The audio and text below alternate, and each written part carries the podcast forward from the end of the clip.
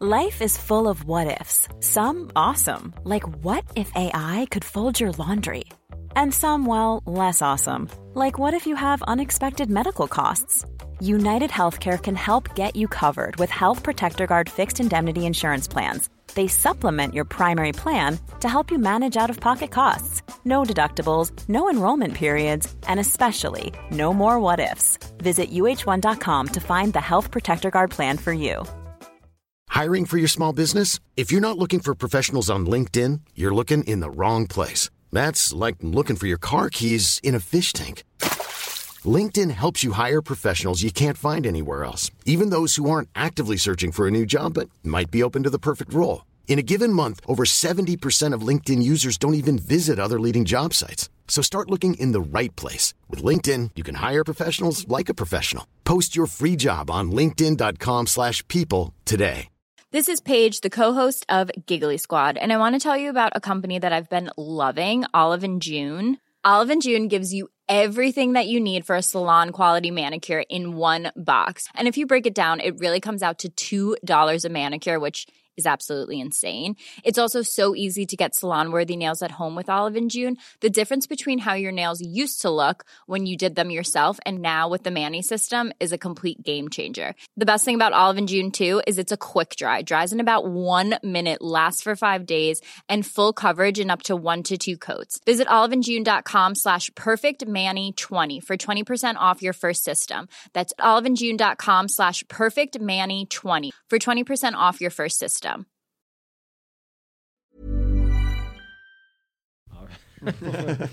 Försöker vi igen. Ja. Take two. Take two. Tagning två. Bamboleo, bambolea, porque mi vida yo la prefiero vivir así. Bamboleo, bambolea, porque mi vida yo la prefiero vivir así. Hola Marbella. Hej och välkomna till det elfte och sista avsnittet av Håla Marbella, GPs podd som punktbevakar BK Häckens och IFK Göteborgs träningsläger på den spanska solkusten. Vi som gjort det är jag, Robert Laul och Linus Pettersson. Och det är också vi som ska leverera det sista avsnittet. Vi har nämligen ingen gäst idag Linus, utan vi eh, kör ju detta sista avsnittet faktiskt första gången vi inte har någon gäst och ingen intervju. Vilken har varit din, eller vem har varit din favorit poddgäst under den här poddsatsningen? Shit, var vi uppe i 11 stycken va? Ja, vi har, det här är elfte avsnittet. Vi har väl haft tio gäster då. 10 Efter, gäster! eftersom vi inte Nej men alltså, på något sätt har man ändå det, det senaste, färskast i minnet. Och Leo Bengtssons två historier, dels om råttorna som har invaderat ens lägenhet, och dels om Anders Ekborg och golfbollen. Alltså de sitter väldigt hårt på näthinnan så att eh, Leo Bengtsson kommer, är det första som kommer upp. Jag tycker eh, Marcus Berg, när han snackade om eh, korruption i Grekland, fick ju ganska stor spridning. Eh, så det var kul. Eh, Johanna Rytting Kaneryd satte ju fem plus, eller fem fyrar på sig själv. Det, tyckte, det minns, kommer jag inte heller glömma. Eh, på sin egen insats ja. Ja, exakt. Det var extremt starkt. Och så Simon Tern såklart som ville bli jämförd med, med Paul Pogba och blev, blev jämförd med Jesper Gustafsson i Mjällby. Eh, ja, men det finns många godbitar tycker jag. Ja, och jag håller nog fan med det alltså. Eh, Jag, Eh, det är inte bara för att det var det senaste, men jag satt ju och klippte Leo Bengtsson-avsnittet här igår. Och jag gör ju en sån här artikel varje, från varje avsnitt då till, till eh, tidningen, då, till sajten och till papperstidningen. Och det är klart att Marcus Bergs berättelse om korruptionen i Grekland, det blev ju en världsnyhet. Alltså det är ju hur många artiklar som helst om detta i Grekland. Jag har sett Holl artiklar i Holland, eh, massa sajter i Sverige och, och tidningar som, som rewritade så att säga. Så det blev ju en jättenyhet. Men Leo Bengtsson-avsnittet, det var ju alltså, det var ju rubriktungt. Eh, det var ju så mycket grejer där så det, det fick ju inte ens plats i nedrycket att han hade blivit, att han hade blivit av med körkortet liksom. Nej, och att han rankade topp tre öar och att han hade valt bort Norrköping på grund av att det inte var en ö. Skämtsamt såklart. Men, Ja, ja. Nej, men det var mycket godbitar där. Ja, nej, men det var det. Jag tycker Leo Bengtsson var, var en, en fantastisk eh, eh, poddgäst måste jag säga. Han är min favorit. Ja, jag skriver under på det. Bra, du är överens om det. Då ska vi se om vi är överens om resten av det här eh, avsnittet också. Eh, det här summeringsavsnittet då efter att vi har varit här i nästan två veckor. Precis som IFK Göteborg har varit, precis som BK Häcken, dam och herr har varit. Eh, och vi ska gå igenom de här tre klubbarna.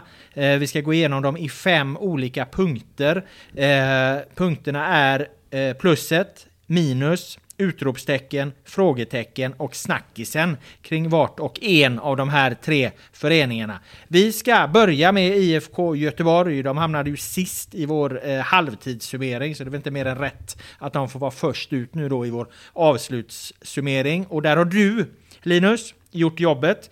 Eh, därför lämnar jag med varm hand över till dig att berätta vad är plus i IFK Göteborg efter knappt två veckor i Marbella? Ja, vad tror du? Finns det något plus? Vi har ju suttit och varit extremt kritiska mot dem i många poddavsnitt, men, men jag har ett plus, eh, Robert, och eh, jag väljer att kalla det de uträknade. Spelarna som man lite hade glömt bort efter tuffa fjolår. Vi har Gustav Norlin och Bernardo Villar. Båda hade ju väldigt tuffa fjolår. Gustav egentligen hela året sedan han kom från Varberg. Han gjorde väl en poäng tror jag på, på 25 matcher, eller något i den stilen. Och Bernardo Villar som kom från IFK Värnamo efter halva säsongen eh, kastades in i derbyt mot Häcken och blev uppsnurrad av Ålemark och sen fick han spela vänsterback mot Hammarby. Ja, det blev inte bra. Eh, men under det här lägret så tycker jag de två har varit två av Blåvitts absolut mest framträdande spelare, kanske faktiskt till och med de två absolut mest framträdande spelarna. Eh, och det tycker jag är roligt att se, eh, a- a- att två spelare kan, kan ta en försäsong och, och vända ett tufft fjolår eh, till något positivt. Eh, och det känns inte helt omöjligt att vi får se båda två i startelvan när Svenska cupen rullar igång nästa helg. Ja, men eh, fan vilken bra spaning helt enkelt. Eh, Jag håller helt med dig. Jag, jag, jag har egentligen inga invändningar Vad där. fan, du som skulle attackera Ja, på nej, men, punkter. ja, ja, vänta, du har ju det Tiden är inte över. Eh, eh, nej, men det, det är jätteintressant. Och det är ju just också så att, eh, som du säger, de är bortglömda och de, det betyder så mycket för att du får en konkurrenssituation till höger om, om Norlin kommer igång, vilket ju verkligen behövs eftersom Aiesh har ju inte varit sig lik. Så den är ju Jätteviktigt att IFK Göteborg får en konkurrenssituation där. Aiesh var ju ganska bra i höstas.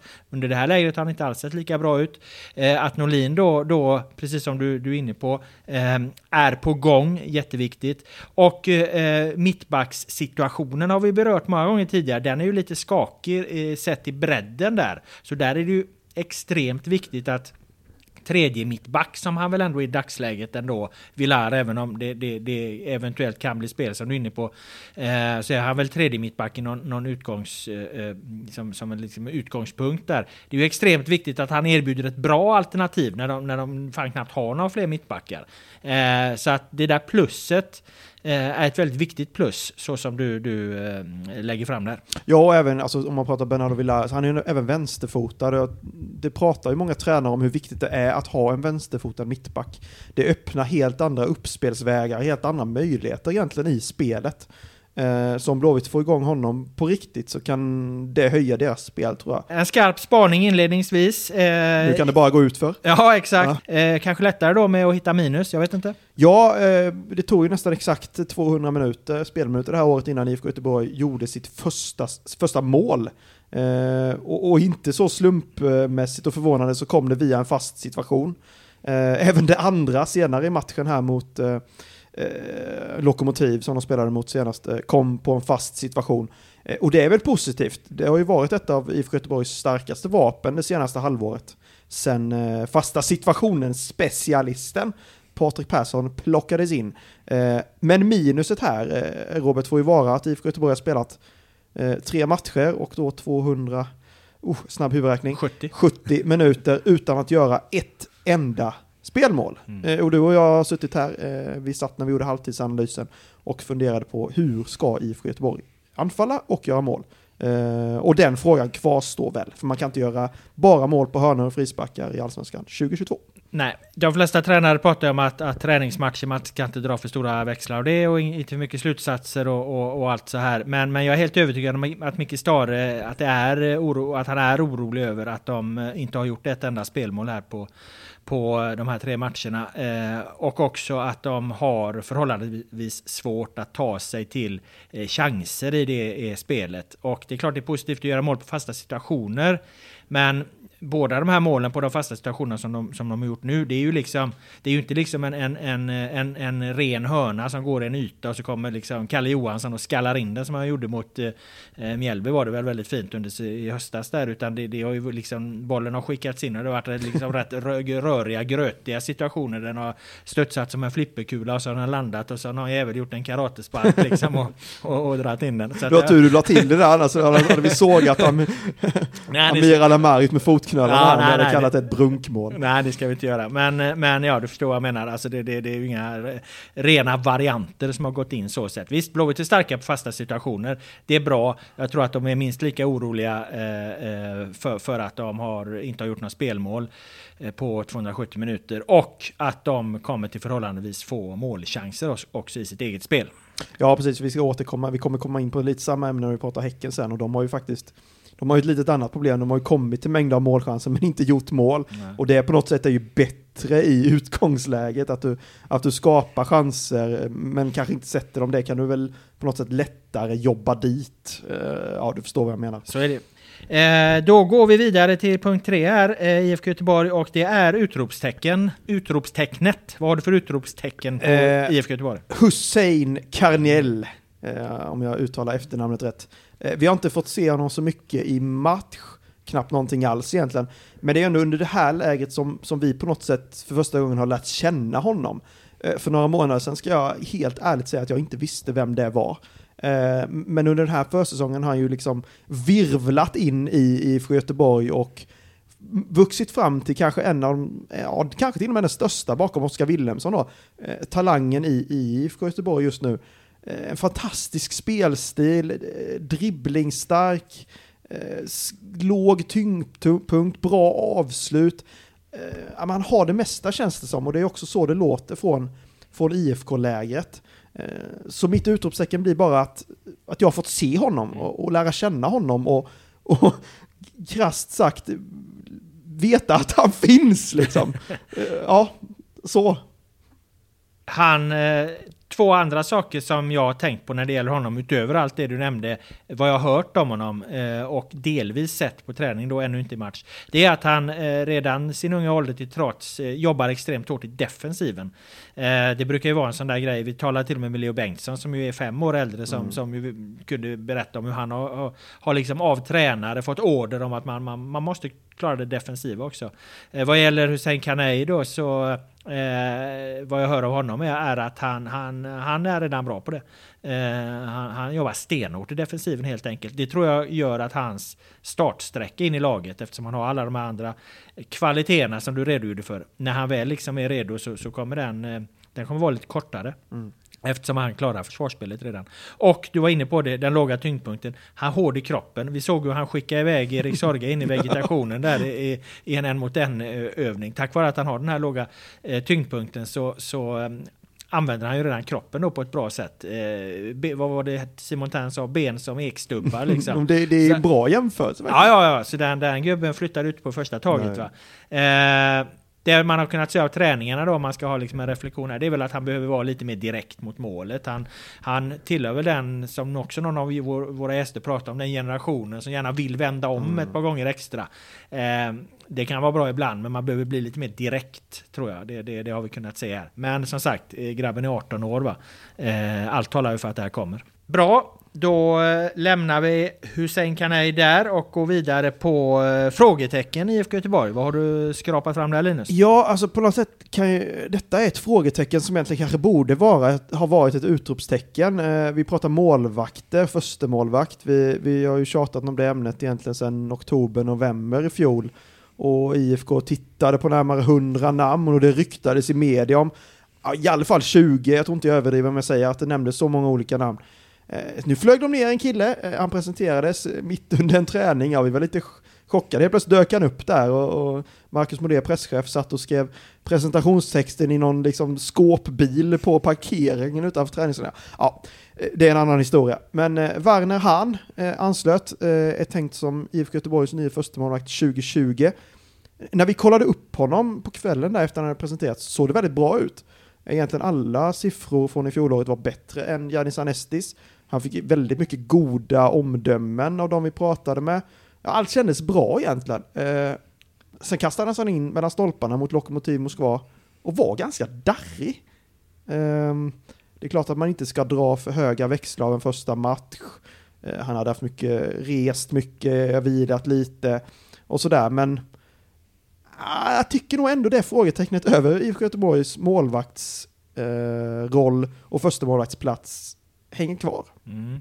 Ja, ehm, jag, jag, jag ska börja med att säga att det är en trevlig jävel. Ja, ni har ju på något sätt hittat, det, det krävdes två frågor från dig och sen fick du en klapp på axeln. Och... Ja, ja, sen fick jag en till efter matchen Ja, det- där för att eh, det blir ju ibland så när man jobbar som journalist och man ställer frågor att nå- någon får ju vara, vara good cup och någon får vara bad cup liksom. Och det, när, efter Werner Hahn då hade liksom eh, släppt in fyra bollar i debuten så var det ju en, en på en kollega till oss här, ingen av oss, utan en kollega som körde de lite mer skarpa frågorna då. Ska vi inte hänga ut honom?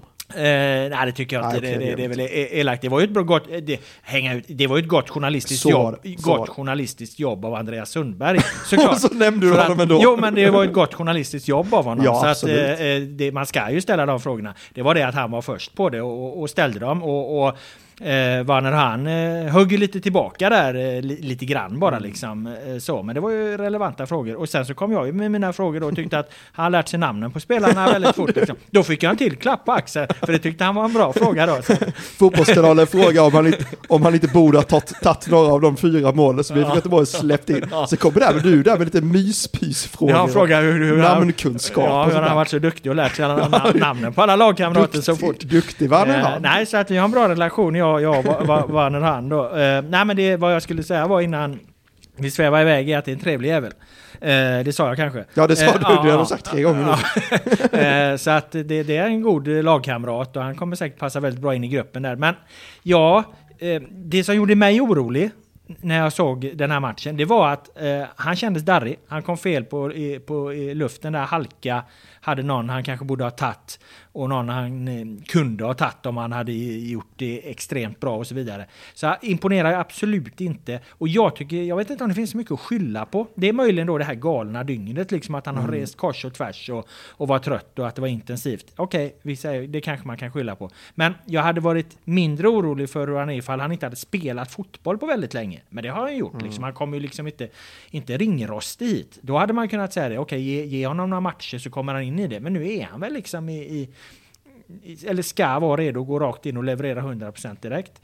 Eh, och då finns det som sagt inte så mycket att skylla på. Förutom då att, att det här var mycket resor och mycket sådär. Va? Så att det gör mig lite orolig då. Men jag håller med, siffrorna ser jävligt bra ut på honom. Vitsorden är goda.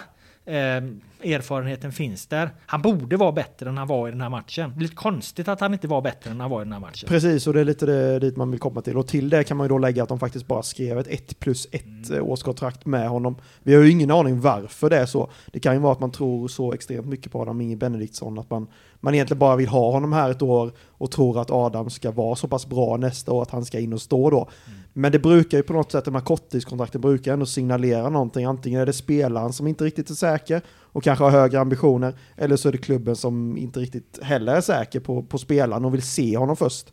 Eh, Så det tycker jag också man kan väga in i ekvationen. Eh, Men ja, som du säger, han, han, han borde ha varit bättre. Mm. Eh, Men det kan väl bara bli bättre nu då från och med nu. Ja, det är en trevlig jävel, sa det. Ja. Nej, sa du det? Menar du det? Eh, vi ska lämna Hahn, frågetecknet, målvaktsfrågan och gå över till sista punkten på IFK Göteborg. Snackisen, vad har det varit? Ja, men den är ju, den är ju på något sätt ganska given. Eh, Vi får ju credda Fotbollskanalen här som fick, Igen.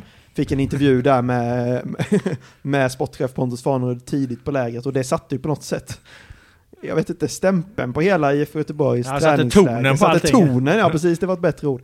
Eh, sportchef Pontus Farnerud konstaterar att bara Malmö FF har en bättre trupp än oss i allsvenskan.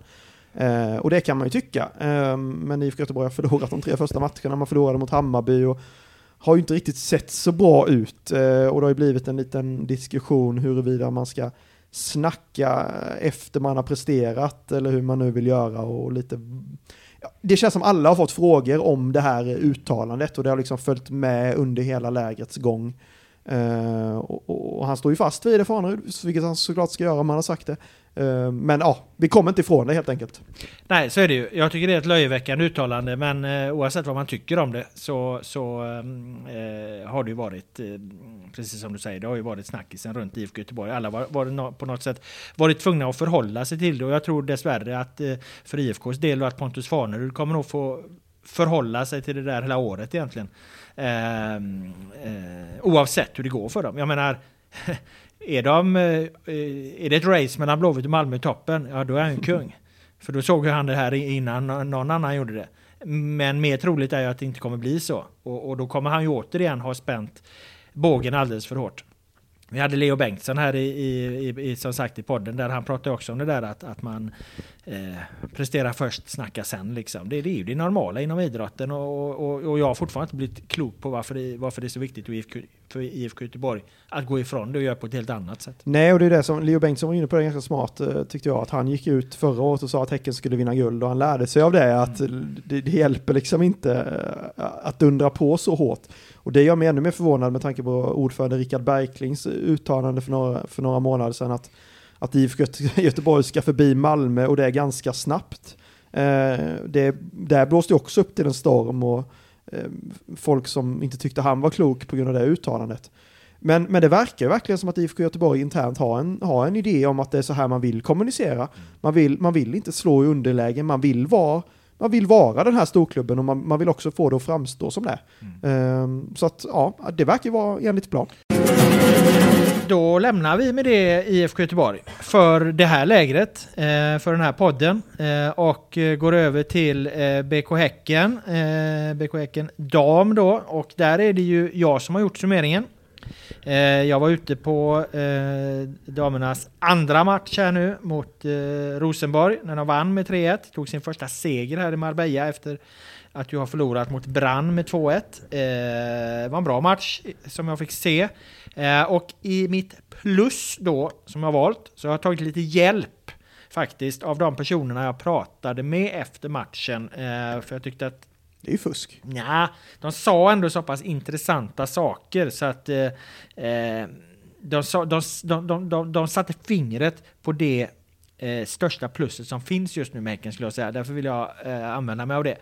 Eh, jag hade ju kunnat eh, claima det själv och ja, framstå som lite är... smartare. Men jag är väldigt ah, ärlig här nu och, okay. och, och liksom berättar. Ja, exakt. Och, och, och berättar faktiskt att jag hade en diskussion med det här med både med tränare Robert Vilaham då och även lite med Johanna Rytting Kaneryd. Eh, plusset är att BK Häcken eh, är ett lag igen. Eh, det vill ju alla vara, alla vill vara ett lag och eh, det låter kanske klyschigt men i, i, just det här fallet är det relevant. Därför att när Robert Vilahamn tog över den här eh, klubben i höstas eh, inför det här Champions League-gruppspelet, då hade de Ja, dels hade de gjort hela den här liksom föreningsbytet liksom. Eh, varit med om det turbulent liksom inledning på säsongen där eh, kommit in i en ny klubb och så. Goda förutsättningar och allt det här, men ändå. Eh, sen hade de en lång rad stora namn, bärande spelare från den säsongen som egentligen inte ville vara i Häcken utan som ville iväg liksom. Eh, det är ju mängder av spelare som har lämnat Häcken här. Både sådana som kanske inte platsade då, men, men också stora namn, liksom Stina Blackstenius givetvis. Liksom. Och det är klart att när det är så många som liksom samtidigt sjunger på sista refrängen och har målen drömmarna, ambitionerna någon helt annanstans än för klubben, lagets bästa, då blir det jävligt splittrat. Jag tror Robert Vilahamn idag pratade om att det var, att det var mycket splittringar, använde han ordet, eh, när jag intervjuade honom. Och då förhögg jag lite på splittringar, vad menar du? Och då var det precis det här de menar. Folk tittar liksom inte åt samma håll. Nu har de varit här i elva dagar. Eh, upplever själva, i alla fall lite Vilahamn och eh, Johanna Rytting Kaneryd, att de har kommit ihop jättefint som en grupp. Tittar åt samma håll, gemensamma ambitioner, människor som vill vara i Häcken, spela många matcher för Häcken, vinna saker för Häcken. Det tror jag kommer vara en jättenyckel för dem i år för att få, få resultaten på plats helt enkelt. Uh, vad ska jag kommentera på det här? ja, fan vet jag. Nej, exakt. Nej, men jag kan ju bara liksom hänvisa tillbaka till egentligen avsnittet med Johanna Rytting Kaneryd när hon gästade podden och hon pratade om den nytändning de fick när eh, Robert Wieland kom in som ny tränare och hon använde väl någon referens till att han nästan väckte liv i dem igen. Och det säger ju det mesta om, om den förändringen. Sen kan man ju också ko- kolla på de spelarna som är att, inte för att säga att de inte saknar ambitioner, för det gör de absolut inte, men det är också många spelare som kanske inte riktigt är redo för det där utlandsklivet än och, och har som första ambition att slå igenom i Häcken. Eh, vi har Josefin Rybring som har kommit in som ett jättefint nyförvärv, men valde att ta steget till Häcken snarare än att kanske flyga iväg utomlands direkt. Eh, Stine Larsen kanske inte riktigt är på den nivån att hon kan kliva iväg än, utan behöver göra det bra i Häcken först. Eh, och Elin Rubensson som också gästade oss, hon har ju också fortfarande ambition att vara här och vinna med Häcken innan hon eventuellt överväger ett utlandsäventyr. Det är bara några exempel tycker jag på spelare som, som verkligen eh, har något att uträtta i Häcken innan de kliver iväg. Precis som du var inne på tidigare så i fjol kanske det fanns spelare som redan var redo och redan var iväg så att säga. Eh, det känns lite annorlunda utifrån sett i år. Ja, och alla klubbar lever ju alltid med att vissa kommer alltid lämna eller vilja lämna och så vidare. Vad jag tror att de menar och vad jag tänker också på då, eh, det är ju att det var extremt i Häcken eh, förra säsongen liksom. Och nu är det liksom inte extremt utan nu är det normalt och nu har de fått ihop det och då får de liksom en, en positiv skjuts av det. det. Så kan man väl sammanfatta det. Ja men det var väl också lite, alltså det, det tog väl alltid lite tid för Häcken att sätta sin prägel på det här eh, laget också, den här truppen också. Vi minns finns ju lite kontraktstrul och sådär och de fick ta över ganska konstiga avtal från Göteborg FC. Det var ju flera spelare som hade kontrakt som gick ut mitt i Champions League-gruppspelet bland annat. Så det känns som många sådana bitar också till det har liksom lagt sig och vilket såklart gör det bättre. Då kastar vi oss över till minustecknet då, för ett sånt finns dock ett ganska kraftigt och eh, eh, här är det väl på sin plats att leverera en både tung och bred kritik skulle jag Är säga. det fram med motorsågen? Ja, eh, det är lite tidigt. Okej. Men, eh, men så här, eh, lite liknande som IFK Göteborg som visste att Giannis Anestis skulle sluta typ i, i höstas någon gång. Och ändå tog det liksom sju svåra år innan de hade en, en, en målvakt på och ett plats. Simon Tern-tips. Ja, eh, innan de hade målvakt på plats. Så är det lite samma med Häcken här. De har ju vetat, eller ja, till 99% kunnat ana att Stina Blackstenius kommer inte vara kvar. Ändå står vi här, vad fan är det, mitten av februari, träningslägret avslutat och de har liksom inget vettigt alternativ, inget djupledshot, eh, ingen nummer nio, ingen, ingen, ingen liksom eh, äkta nummer nio skulle jag säga. De har spelat med Stine Larsen där, men hon är inte den spelartypen. Liksom. Det, det är inte så de vill ha det. Eh, nu kastade de in idag i den här matchen som jag såg då mot Rosenborg. Då slängde de upp, eh, bytte in eh, Johanna Rytting Kaneryd som, som spets, som nia. Och jag menar hon är kvick, hon är rationell, hon är, hon är, hon är hotad i djupled och hon hon är bra på att avsluta och allt det här. Men hon är ju i grund och botten en, en eh, Cruyff-fintande kantspelare. eh, och det är ju där hon har sin landslags... Eh, det är där hon har sin landslagsdröm någonstans. Där hon har sin liksom utlandsdröm och allt, eller utvecklingsdröm, tror jag. Även om hon själv, när jag pratar med henne efter idag, är positiv till att i vissa matcher, när det liksom låser sig och man behöver ha, verkligen ha någon, kan tänka sig det där. Så att, eh, men de testar ju henne där. Wilhelm säger att han testar henne där för att eh, för att eventuellt kunna använda henne där också. Men hur som helst, de, de, de, de, de famlar, de letar och de har ingen, ingen bra lösning på plats. Så det här är ändå den liksom Eh, klubb i damallsvenskan som har störst muskler, mest möjligheter. De har inte kunnat lösa en vettig, en vettig nummer nio liksom. Det, det, eh, jag, jag, jag, jag köper att det här försvåras av att eh, Pauline Hammarlund är skadad och hon kommer tillbaka precis eh, ja, när allsvenskan har varit igång lite så. Men, men, men det är ett minus, man kommer inte ifrån det. Nej, precis. Och jag tänkte precis ta upp det. Du, sista du var inne på där, att Pauline Hammarlund ju är ju nästan tillbaka till den allsvenska, alltså allsvenska premiären och, och det blir ju problematiskt för Häcken att de kanske inte kan plocka in något allt för tungt namn och helt plötsligt stå där då i, i mars-april med tre liksom toppanfallare, för jag tycker ändå vi kan räkna Stine Larsen till en toppanfallare med damallsvensk nivå. Så att jag, jag ser problematiken, men jag köper också ditt resonemang att ska man nå långt i Champions League, framförallt, vilket är eh, Häckens ambition, så räcker det inte att bara ha Stine Larsen som, som anfallsalternativ. Eh, dessutom när, när hon kanske inte har sett sådär vass ut, i alla fall de matcherna jag har sett, eh, inte sett sådär superskarp ut. Ja, men jag tycker inte hon är en nia alltså. Hon är liksom Nej, en var inne på det, minns jag när jag pratade med honom efter, efter förra matchen, att, att han ser ju nästan henne som en tia istället. Eh, och, och användbar även i den rollen. Och det gör ju det kanske ännu mer fundersamt att varför man inte har plockat in en nia då, för då hade man, då hade man kunnat stå med, med en, en ny nia och Pauline Hammarlund när hon väl är tillbaka, så kan Sine Larsen vara ett alternativ på tia positionen istället. Eh, Men vi vet ju att de har hukt på lite namn, bland annat då Rebecka Blomqvist som vi har pratat om tidigare i, i podden, eh, från Wolfsburg som tidigare varit i Göteborg FC, och även lite andra stora namn där ute i Europa. Så att de verkar ha jagat, men inte hittat rätt, och det är såklart ett underbetyg, absolut. Ja, ja det, är i alla fall, eh, det är i alla fall ett minustecken. Men eh, eftersom du inledde den här punkten med att fråga om motorsågen skulle fram så, så, nej. Det var Ja, bågfilen. Ja, det är lite, lite, lite så va. Vi har motorsågen sparar vi till, till, till eh, större bekymmer.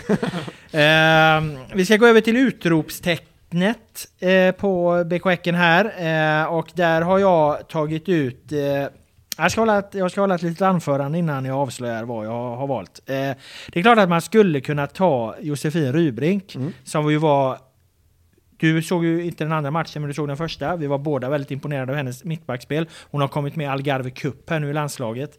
Eh, det är klart att, att hon är jättebra. Eh, otroligt fin mittback. Eh, framtida landslagsnamn och så vidare. Men det är för enkelt. Ja, du gillar inte det enkla? Nej, men jag tycker lite så. Alltså ett utropstecken. Vem som helst skulle kunna ta ut det. Jo, jo, men... Alltså, eh, ska vi komma med någon form av liksom inside härifrån? Eller att vi, vi man har sett lite saker som har hänt och... var På, pl- på plustyktet bad du om hjälp för att du inte kunde komma på det själv. Att man och, var- och på utropstecknet ska du inte göra det för lätt för dig. Ja, men jag gillar vart det här är på väg. Att man, eh, ska man vara lite omsorg kring sig, då kan man inte ta Josefin Rybrink. Det är för uppenbart. Så vem det, tar du då? Det kan, du, det sitter någon jävel hemma på hissingen och tar ut Josefin Rybrink liksom och kollar på GPTV på de här matcherna. Eh, jag tar ut eh, Elma eh, Juntila Nelhage. 18-åringen, mittbacken, som varit utlånad till eh, Norge. Eh, inhopp idag. Sett otroligt fin ut på träningarna. Och jag ska inte citera, för jag har tagit lite hjälp här också. Jag ska har inte citera, jag ska inte citera den Häckenledaren jag pratar med, men det är 110% säkert att det här kommer bli en framtida svensk landslagsmittback. Och då talar jag ändå om en, en person som har någorlunda eh, koll på fotbollen. Och jag kan bara instämma i det jag har, har sett, hört och tycker om, om, om eh, Elma Juntila. Det, det, det, det är en, en jättetalang på mittbacksidan som, som Häcken har där. Som fortfarande bara är 18 år. Eh, men eh, ingen i Häckens trupp som är på det här lägret passar bättre under rubriken utropstecken. Ja. Eller? Eh, Har du något att invända? Eh, jag har sett för lite av henne. Ja. eh, För att... eh, här är ett riktigt för, utropstecken. för att kunna eh, utnämna henne till ett utropstecken. Och eftersom du tycks ha tagit hjälp till den här punkten så vet jag inte vilken trovärdighet vi ska, vi ska sätta i det här. Så att jag väljer att- slå ett slag för Josefin Rydbrink. Ja, du tar den en, en, utropstecken. enkla vägen Jag tar den enkla vägen. Det gör jag alltid Robert. Nej men hon är jättebra, jag håller med. Hon har varit, varit kanon. Men, men det visste vi ju någonstans. Mm. Du, du studsar ju inte av stolen. Däremot så blev du ju lite perplex här när jag drog upp Elma. Ja, du var vet inte du- beredd på det. Och det är det, jag tycker att det är den effekten ett utropstecken ska ha. Vet du varför jag studsade till? För jag trodde du skulle välja en annan spelare. Ja, vem trodde du? Maria Egla, den nya isländskan. Ja, ja, ja. Eh, som jag tyckte såg väldigt intressant ut i, i den första matchen vi såg. Eh, och spelade på vänsterkanten där, Ja, i den ja, offensiva linjen. Eh, lite Hussein Karnell, om vi får dra någon Mm. yt, lite, lite parallell sådär. Eh, kanske inga ekstubbar till ben, men väldigt låg tyngdpunkt. Eh, och väldigt irrationell och, och rivig spelare. Ja, och, Eh. och en väldigt bra vänsterfot. Eh, jag håller med, jag tyckte hon var bra i den matchen. Jag såg henne även mot eh, Lidköping, var det deras första där. Och hon kom in idag. Men eh, nej, Nej, jag håller fast vid mitt utropstecken. Elma Juntila Nellager. Ni kommer höra mer om henne om ni inte hört om henne innan. mm, absolut. Ja. Eh, då går vi över till eh, eh, frågetecknet och eh, det, det är ur, sett ur ett lite större perspektiv. Ehm, när jag tittar på, på, på, på det här Häckenlaget nu i de här träningsmatcherna så är de ju bra på väldigt många sätt. Men, men, men jag känner att de har, de har lite för många svaga punkter fortfarande och de är lite för beroende av några få enskilda spelare på vissa väldigt viktiga och bärande positioner i planen. Eh, och jag kan, tänker då kanske framförallt liksom på det centrala eh, mittfältet där. Eh, häcken kommer den här säsongen spela extremt många matcher. Eh, framåt hösten, om de nu ska liksom komma till Champions League, lyckas i Champions League, eh, så, så, kommer det krävas en truppbredd. Jag är inte så jävla säker på att de, de, eh, de eh, har den. Alltså Elin Rubensson och, och eh, Filippa Kurmark, de kommer få dra ett enormt tungt lass på centralt mittfält med, med, med, matcher. Och det här, jag menar Rubensson kommer spela EM och, och eh, nu var inte Kurmark med i, Algarve-truppen här men hon kan ändå vara aktuell för en, för en eh, Eh, för en EM-trupp. Och hon är ju i och för sig en, en evighetsmaskin utan dess like, Kurmark. Så att hon gjorde, jag tror hon gjorde över 50 matcher redan i mm. fjol om jag inte, om jag inte är felunderrättad. Eh, så att absolut, va. Men, men ändå liksom lite... Det, det, jag tror att den här frågetecknet, det är nästan så att det, det, det, det är svårt att överhuvudtaget lösa det på något sätt. För det kommer bli tufft för det här laget i, i, i, i vinter. De ska spela fram till julafton. Eh, en jävla massa matcher, olika turneringar på hög nivå liksom. Eh, man kan inte ha hur bred trupp som helst för att eh, ja, men folk måste få spela innan också. Så det, det, det, här är ganska svårt. Men jag tror att det kommer bli, det, det, det kommer bli tufft för dem när det, när, när det lackar mot jul så att säga. Då har de många matcher i benen. Och särskilt de här bärande spelarna på det centrala mittfältet. Jag tror jag har en lösning. Låt höra. Det är bara att titta på förra året hur de ganska tydligt gick in med inställningen att de skulle förstärka laget under sommarfönstret inför att Champions League liksom brakar loss på allvar. Då plockade de in Stine Larsen bland annat och, och, några spelare till och det var väldigt tydligt att nu förstärker vi laget för att vi vet att det kommer en väldigt tuff höst. Eh, man ska inte säga att våren är lätt, men den är lite lugnare. Det är ju sen det börjar braka loss med, med mästerskap och med Champions League-slutspel och, och damasvenskan ska avgöras. Jag har ingen liksom, vetskap om det är så Häcken resonerar. Eh, men det skulle kunna vara ett alternativ att man, man börjar med en lite mindre trupp, man låter alla få, få spela, man låter eh, göra analysen av hur truppen ser ut. Och sen kliver man kanske in lite, lite tyngre i ett sommarfönster inför att det liksom blir allvar på riktigt. Mm. En teori. En teori, och, eh, men då måste de nog vara ännu skarpare i det fönstret för att jag vet att de har ju, vissa spelarna har ju uttryckt att de, de, var, de var trötta i, i höstas. De orkade liksom inte hela vägen. Eh, nu, då var ju kanske den typen av matcher mer nya för en del av dem. Så att nu är de mer förberedda på det på så sätt. Så att det, det kanske också är en, en, en aspekt i det hela. Men eh, då får de nog, då får de nog jävlar med att göra ett riktigt bra fönster där. Till, till, då får han jobba, eh, Christian Lundström, eh, eh, damernas sportchef där, om, om, om, om han ska parera det där. Det Men det är också svårt att liksom, alltså spelarna vill ju spela. Jo, alltså frågar du Elin Rubensson eller Filippa Kurmark så, ja. så vill ju de spela alla 50 ja, matcherna. Så, eh, så det blir också en utmaning att hitta vilopunkter för de här.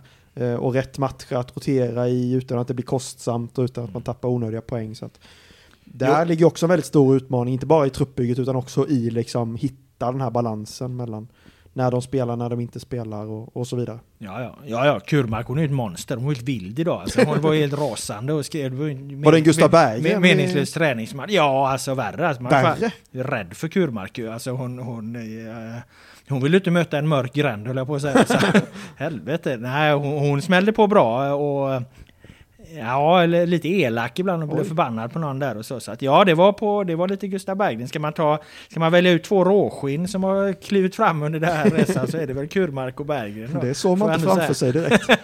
ja, och Kurmark kanske, men, men eh, med Bergen lite mer oväntat. Ja, det är mycket. Eh, vi ska gå upp till eh, sista punkten på Ekendam här och det är ju då snackisen. Och där har jag valt ut eh, eh, ingen mindre än det som slog ner lite som en bomben då får man väl säga här.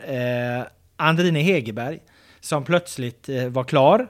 Eh, och naturligtvis väldigt mycket mindre känd än sin syster Ada Hegerberg. Eh, men ändå ett, ett stort namn och vad jag snabbt insåg en väldigt stor profil i Norge. Hon får fotbollsskola, har skrivit böcker med sin syster eh, tillsammans med typ, eh, inte Skavlan men någon norsk eh, TV, tv-profil där. Liksom. Sjukt om hon hade varit tillsammans med Skavlan och du hade breakat den nyheten. eh, kommer inte ihåg vad han hette nu. Men, nej men alltså ett kändispar helt enkelt som själv liksom red in här liksom med, med med glamour och lite kändisaura och extremt liksom proffsig, medietränad, eh, världsvan, flärdfull, Eh, ja, du hör. Fortsätt med de orden? Nej, så att eh, det vart ju en lång intervju med henne och sen har ju någonstans hon, det var hennes debut, hon har varit skadad länge. Hon spelar liksom fotboll första gången på ett år. Eh, hon gjorde det väl liksom okej, du var inte imponerad. Däremot i, i första matchen, idag, idag hittar hon väldigt rätt i, i sin nummer 10-roll där. Eh, ehm, de bröt linjer eh, eh, och hon fick bollen i den här ytan mellan, mellan mittfält backlinje, vände upp snabbt. Tror hon spelar fram till tre frilägen, eh, varav ett ledde till mål. Så, så hon hade en assist då och, och, och hon kunde haft fler. Som sagt, spelade 60 minuter. Eh, efteråt kom hon med liksom en, en ispåse tejpad runt det här knät då, men jag frågade henne om det var ingen större fara. Hennes pappa har ju varit med här, han var på matchen, han har vi pratat med, han är en GP-läsare, han var ute och coachade när hon sköt frisparkar. Det känns som att Andrin Hegerberg, det har varit liksom snackisen eh, kring, kring det här eh, BK Häcken under, den här, under det här lägret, i alla fall medialt och, och runt omkring så. Jag trodde du skulle blunda för Andrine helt och gå på pappan. Du har ju nästan blivit- jag gjort. Du har nästan blivit bättre kompis med honom än med Blåvitts nya målvakt. Du har ändå hittat dina relationer här under lägret. Ja, det får man säga. Jag pratade med pappan i, i, idag igen. Jag minns fan inte vad han sa, så det var kanske inget viktigt. Men, eh, Och det norskan som skar sig där igen. Nej, jag bara, ja, nej, men det, det var mycket att hålla reda på där. Så. Men han är en trevlig jävel, så att han reser ju runt och Han också. Följer, ja, följer sina döttrar. Så att, eh, nej men det är väl en bra snackis. Det, Ja, det om jag, om jag ska du något annat? någonting. Nej, jag, jag håller helt med dig. Jag ska absolut inte argumentera mot det. Det jag kan tillägga är väl att det var väldigt snabbt och imponerande agerat av Häcken efter Rosa Kafadjis väldigt allvarliga skada där. För jag är mycket tveksam utan att ha den typen av inside information. eh, Så jag är mycket tveksam till om Adrine Hegerberg hade kommit hit om inte Rosa Kafadji hade skadat sig. För det tror jag Häcken hade satsat stenhårt på henne det här året. Eh, Så väldigt pikt, snabbt och bra agerat eh, om det nu var så att de liksom plockade in Andrine Hegerberg efter skadan. Ja, det måste de ha gjort. Jag kan tänka mig att, att eh, de skulle haft... Ja, i så fall eh, skulle de ju... Hade de tagit in henne och haft henne som ett alternativ på eh, sen sittande mittfält. Mm. Alltså som ett, ett alternativ till, till Rubensson och Kurmark och, och, och Julia Karlnäs där. Men, men jag tror inte hon är inte så... Jag undrar om hon är tillräckligt stark liksom i, i, i press och duellspelet för att ta den sittande. Hennes farsa ville ju ha henne där. Hon, han ville ju att hon skulle spela bredvid Rubensson. Men ändå skönt att då tränare Robert Wieland inte påverkas av de här starka påtryckningarna från pappa Hegerberg. Ja, via, via våran podd. Ja.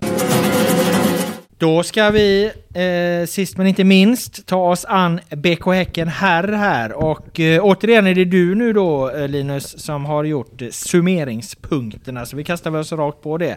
Vad har du för plus på BK Häcken efter Marbella-lägret 2022? Ja, återigen så har jag ju då inte tagit någon hjälp eh, till mina punkter utan eh, envetet knegat på på min kammare och knådat fram eh, lite punkter här. Vi, vi jobbar på olika sätt du och jag Robert. Eh, plus eh, tydligheten. Eh, vi satt här när vi summerade halvtidsanalysen där och imponerades över att vi, vi hade gått på många Häckenträningar och, och sett saker som vi senare också såg i match. Eh, och det tycker jag är imponerande. Um, framförallt eh, liksom höga pressspelet, eh, det blixtsnabba omställningsspelet. Vi såg dem träna på det, vi såg dem göra det på träningsplanen. Och så kom vi till matcherna och det såg liksom, det satt. Eh, så att mitt plus är tydligheten och att Häcken känns väldigt långt framme i hur de vill spela eh, och hur de vill agera ute på fotbollsplanen. Ja, jag håller med. Eh, inga invändningar där. Och, och, och också just liksom den helheten det bildar att de, de, precis som du redogör för, de tränar på ett sätt, de tar med sig det ut på planen. Eh, och de har framförallt gjort jobbet innan så att de har de, exakt de spelartyperna de vill ha för att eh, kunna spela så. Så att det inte blir, det blir liksom inte bara tomma ord om att vi ska ställa om snabbt och vi ska ha hög press. Man har också liksom ett, eh, har gjort liksom, lagt pus, trupppusslet på ett tydligt sätt och, och, och fått in eh, spelarna som, som i alla fall liksom på pappret har en, en möjlighet att leverera det här. Ja, eh, och vi, vi, ja, vi jämförde med IFK Göteborg där i, i halvtidsanalysen och den, står väl kvar på något sätt att det känns mycket mer frågande kring IFK Göteborg. Ja, både truppbygget, liksom, har de de spelarna de vill för att spela det spelet de vill och, och hur ska de spela? Ehm, det känns inte alls lika tydligt som det gör kring, kring BK Häcken just nu. Eh, och det tycker jag är det stora plustecknet för, för Häcken, så här långt in på försäsongen och under det här läget. Då ska jag bara ställa en fråga där. Det är möjligt att jag, att jag eh, stjäl då någon av dina kommande Ja, eh, punk- säkert punkter där. Eh, men i så fall får du säga till så, så eh, väntar vi med den. Men eh, är det så att eh, det finns anledning att revidera någonting av den här tydligheten med tanke på deras sista match, eh, eh, Häckens här, för att där imponerade väl inte det riktigt lika mycket, eller? Om du skickar vidare den här podcasten in i minustecknet för BK Häcken så ska du få svar på din fråga. Det var en så kallad radioövergång, Ja, så tar du ditt minustecken då? Ja, men effektiviteten, eh, det tycker jag är, tydligt. Eh, och, framförallt dagens sömniga match. Kanske är det för att vi är slitna efter 12 dagar här i solen, men, men det var ingen rolig match idag tyckte inte jag från sidan. Eh, och, faktum är ju att Häcken bara gjort ett mål under de tre träningsmatcher de har spelat här nere. Eh, och, och man kan charmas, och det har vi gjort, och vi har berömt dem för tydligheten. Vi har berömt dem för det snabba omställningsspelet och, och alla chanser de egentligen har skapat. Eh, men effektiviteten finns inte där än så länge. Vi pratade om när vi pratade IFK Göteborg tidigare i det här avsnittet att det är kanske är bättre att skapa chanser och inte sätta dem än att göra varken eller. Men Häcken har lite problem med effektiviteten. Kanske behöver man få in Alexander Jeremejeff i det här startelvan på något sätt. Han har ju knappt tränat fotboll med laget här nere. Eh, kanske behöver man eh, få in honom på något sätt för att han har ändå väldigt mycket mål i sig. Eh, det känns ändå som att där är nästa steg för Häcken att jobba med. Eh, hur och vem som ska förvalta alla de här chanserna. Eh, för det är lite oklart eh, just nu. Jag säger som Lasse Lagerbäck, fotboll handlar inte om att göra mål, det handlar om att skapa målchanser. Det var väl ungefär det du sa där. Det Ja. viktiga är ju så, så länge man skapar målchanser så kommer målen förr eller senare komma. Jag menar matchen idag, eh, Sarpsborg där, Leo Bengtsson, den kunde lika gärna suttit liksom, hans, hans friläge där. Så då, då hade de haft sitt mål liksom, och han hade haft ytterligare eh, eh, ett mål på kontot. Men sen tror jag också du, du är inne på något intressant där. De här liksom tre där, Bengtsson, Traoré, Uddenäs. Jag tror att de har lite för få poäng i sig. De måste nog fan lägga in, sätta in Jeremejeff där som du sa och skicka ut då Traoré kanske på en, på en högerkant och, och Leo Bengtsson på vänsterkanten. Och så har de speeden men, men, men ändå hans, eh, hans liksom näsa för målet där. Annars blir det, kan det bli lite få mål. Men det kan ju också vara olika i olika matcher såklart. Så är det, men frågan är, det intressanta där tycker jag är hur mycket kommer Häckens spel förändras med Alexander Jeremejeff Mm. som nummer nio. Jag tycker det är jätteintressant för att det blir en helt annan nummer nio. Mm. Eh, Alexander Jeremejeff är inte alls den här snabba djupledsgående forwarden. Eh, och det känns kanske som att Häcken behöver göra om lite väl mycket om man ska in honom. Ja, om man ska ha den här Eh, tydligheten ja. som man har så jäkla... Det är ju det, det vi väger det här mot, att de har jobbat så väldigt fokuserat just på att ha en snabb spelare där. Det blir ju, som du säger, helt annorlunda med Jeremejeff. Men eh, kanske lyckas de... Ja. Man kanske hittar någon mellanväg, man Ja. kanske får det här snabba omställningsspelet med yttrarna. Kanske kan trycka med lite, lite ytterbacka upp ännu högre och så får man en Jeremejeff där som, som petar in bollen. Kanske blir den perfekta mellanvägen någonstans. Bra, ska vi gå över till ditt eh, frågetecken?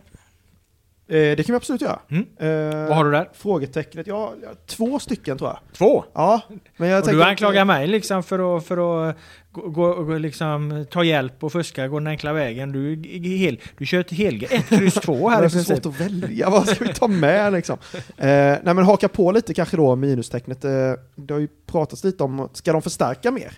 Behövs det mer? Behövs det en ersättare till Patrik Wålemark?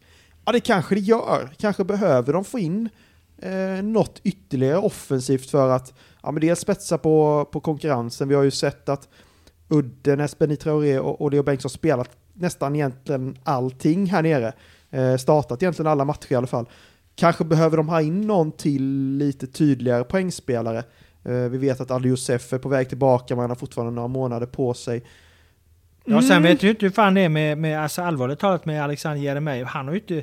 Jag menar, det var, Friberg sa det, han inte lämnat eh, hotellsängen knappt. där Och det ligger bara- ju något i det. Ja men lite så, alltså han, är, han, är ju inte, han tränar ju inte. Nej, han spelar, nej. alltså han är ju inte, han är inte ombytt knappt ju. Alltså han, han är ju inte med. När han har kört egen träning har Ja jag menar gjort, det, men han är ju inte ehm, med på planen. nej. Och han, är- han är ju rätt lång, jag menar Samuel Gustafsson är med på planen. Ja. Men jag menar Jeremejeff verkar ju rätt långt bort liksom.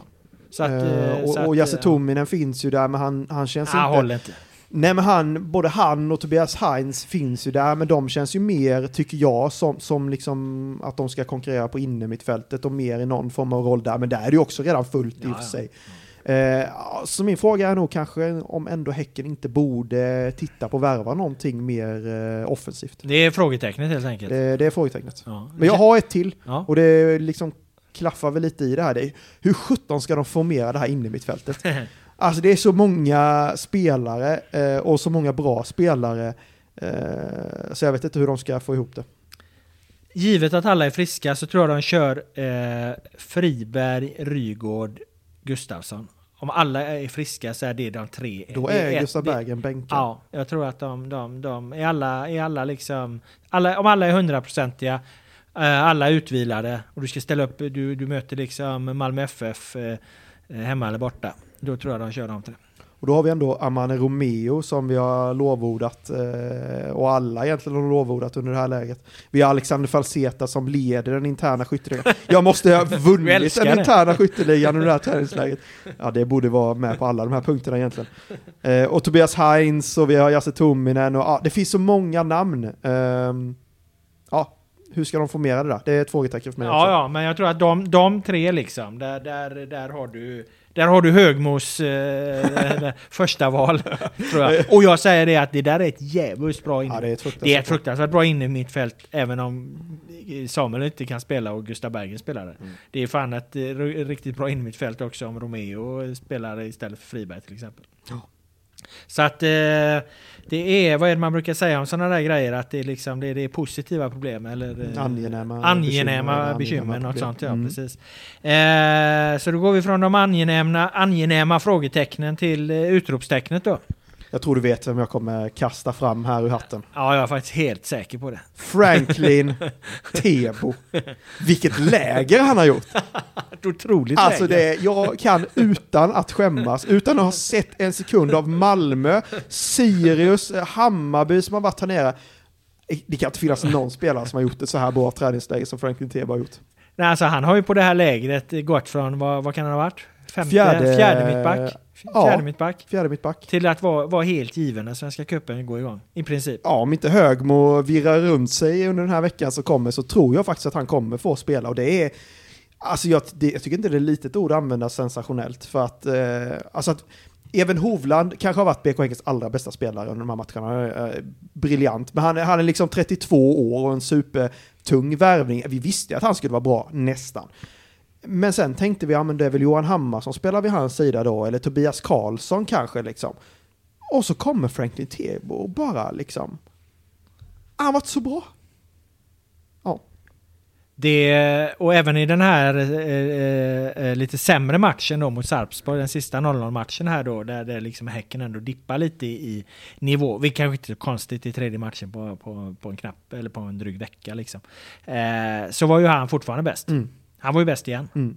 Och det, det, det är imponerande tycker jag att man har, de gånger man har sett honom tidigare och hört folk prata om så, man har pratat om att han har vissa spetsegenskaper. Han är ju väldigt stor, väldigt kraftfull, bra på huvudet och ja, man har de där, några tydliga spetsegenskaper. Men jag tycker under det här läget har han, han har varit så lugn, så trygg, eh, så kontinuerligt bra. Eh, och kan du kombinera det med att ha dina spetsegenskaper, ja, men då är du ju en supermittback i allsvenskan. Eh, Väldigt lugn och fin i straffområdet Ja. som du säger. Och eh, enda minuset jag såg på matchen idag, det var väl att han var på, på gränsen till lite övermodig i sitt, sitt liksom eh, upp, si- sina, cross, sina crossbollsuppspel. Eh, de nådde inte riktigt fram alltid de här eh, crossbollarna, han, han vill nästan vara lite väl exakt i dem när han liksom svepte bollen ut mot kanterna. Inte ens Men även felfri. Nej, så lite så även solen har sina fläckar Ja, det- som det heter. Så. Där vi är nu. Eh, sorgen med det här då, det är ju att eh, våran liksom... Eh, våran Ska, ska du börja profil... prata om Johan Hammar? Våran profil Johan Hammar här nu då kanske inte får, får, får spela så mycket. Eh, å andra sidan kan det ju vara så att det öppnar då för Hammar de sista fem här, som, som ju även Leo Bengtsson har varit inne på att slänger man in Hammar sista fem i varje match så är han potentiell Ja, skytteligavinnare. det är ett av de skarpaste citaten under det här träningsläget. Vi såg ju Hammar på frukosten i shorts idag. Då hade han ju en tatuering på sin vad där. Det var så här romerska siffror. Eh, XXV. Vi satt ju och funderade lite på vad fan det, det stod för. Liksom. Det är väl 25 någonstans då. Om det liksom är antalet ryssar han har sänkt i, i Marbella. Eller om det är hur många mål han skulle göra om han får komma in sista 5-30 allsvenska omgångar. Gör han 25 mål då har han sänkt 25 ryssar. Eller ja, vad det nu kan vara. Det kanske var Hammar som var snackisen. Nej, Eh, Nej kanske- det är din snackis kanske, men jag har en Ja, det är min snackis när det gäller Ja. Häcken, helt klart. Det är min snackis när det gäller det här lägret. Ja, är han också jäkligt trevlig eller vad var det du har benämnt alla dina? en trevlig jävel. En trevlig jävel ja. Eh, Ja, det är han ju. Han är, han, han är en Absolut. trevlig jävel. Alltså, det kan Absolut. man, det, det, Absolut. det, så är det ju bara. Eh, snackisen då? Vad har du om du tar Hammar? Mårten Gamst Pedersen. Såklart. Vilken människa. Johan Hammar, släng dig i väggen. Werner Hahn, släng dig i väggen. Andrine Hegerbergs pappa, gå och lägg dig. Nej. Nej, men det var ju såklart en enorm snackis när han helt plötsligt dyker upp på en Ja, träning eh, med Häcken här mitt i veckan. Och jag trodde ju först de skämtade när de liksom pekade ner mot den lilla planen vid sidan om den stora träningsplanen och liksom kolla vem som är där. Alltså killen har ju eh, liksom över 250 Premier League-matcher med, med Blackburn. Eh, och så helt plötsligt dyker han upp på en BK Häcken-träning.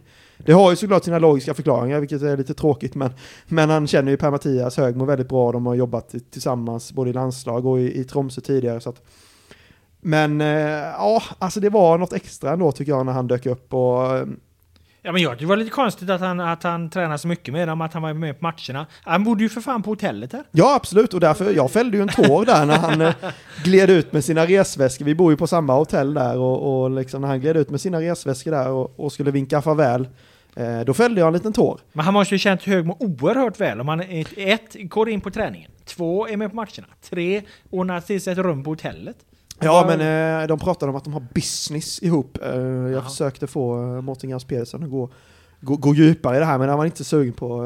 Jag, jag ser inte Högmo som någon businessman, men, men tydligen eh, finns det lite business där, så att de verkar vara väldigt tajta. Eh, men jag är lite besviken också att de inte signade med honom. Eh, vi har Ja, för sett, fan eh, över 40 ju. Ja, 40 är han, men har du sett hans vänsterfot? Och när han kom hit till hotellet, han, eh, 2011 gick han till gymmet. Nej, signa honom säger jag, men nu verkar du vara för sent. Nej, den chansen är nog förbi med tanke på att vi såg honom med en resväska här på morgonen och läm lä lä lämna hotellet och, och ta sig vidare i världen. Eh, det är väl ungefär vad vi också ska göra. Vi ska på en avslutningsmiddag här nu med, med våra goda vänner på, på lite andra mediebolag eh, och stänga igen den här poddbutiken. Eh, så om du inte eh, har något mer att säga så eh, tackar jag dig Jag, för... eh, ja. jag tänker på Per-Mattias Högmo. Ja. Vad tänker du? Uh, igår så gick han ensam över BK Häckens träningsplan. Uh, jag tror det var deras näst sista träning. Han kommer fram, jag står bredvid med bandan. Och då säger han, när jag gick över planen så tänkte jag, vad tråkigt att det bara är en träning kvar. Jag hade gärna stannat två veckor till. Lite så känner jag nu. Vad tråkigt att vi ska runda av det här. Nej, det, det, det, var, ingen, det var ingen glädjereaktion på dig här. Nej, Du vill hem ja. Det ska bli gött att åka hem också, ska det inte det? Man har gjort Okej. samma sak i, i två veckor nu för Ja, fan. okej. Ja, ja, absolut. Jag, eh, Du försökte vara lite känslosam. det försökte och du följde inte med överhuvudtaget. Men jag kan, eh, jag kan glädja dig med att Johanna Rytting Kaneryd sa ungefär samma sak. Hon tyckte det har gått alldeles för fort. Ja, Hon ville vara kvar. Ja. Så du och Högmo och Kaneryd kan väl stanna kvar här en vecka då, om ni nu så jävla gärna vill kvar, vara kvar. absolut. Och Gams Pedersen på ett hörn. Åh. Hammar kanske blir kvar också. Ni kanske får ner Per, Frick, Frick, Frick, per Frickadona hit också. Och då Men menar du att du gäng. inte vill stanna kvar i detta gäng? Ah. Eh, men här och nu eh, ska jag, eh, återstår egentligen bara att säga dig, eh, tacka dig då Linus för eh, 11 fina insatser. Och med 11 fina insatser menar jag att eh, du har varit ungefär 2 plus för att citera Leo Bengtsson. Eh, hoppas att du är nöjd med det. Eh, Absolut. Eh, vi vill också eh, tacka eh, alla er som har eh, lyssnat. Och eh, den här eh, poddsatsningen kommer förhoppningsvis tillbaka vad det lider under den här säsongen. Tack så mycket, ha det bra. Hålla Marbella! Hålla Marbella. Bamboleo, bambolea, porque mi vida yo la prefiero vivir así. Bamboleo, bambolea, porque mi vida yo la vivir así. Hola Marbella.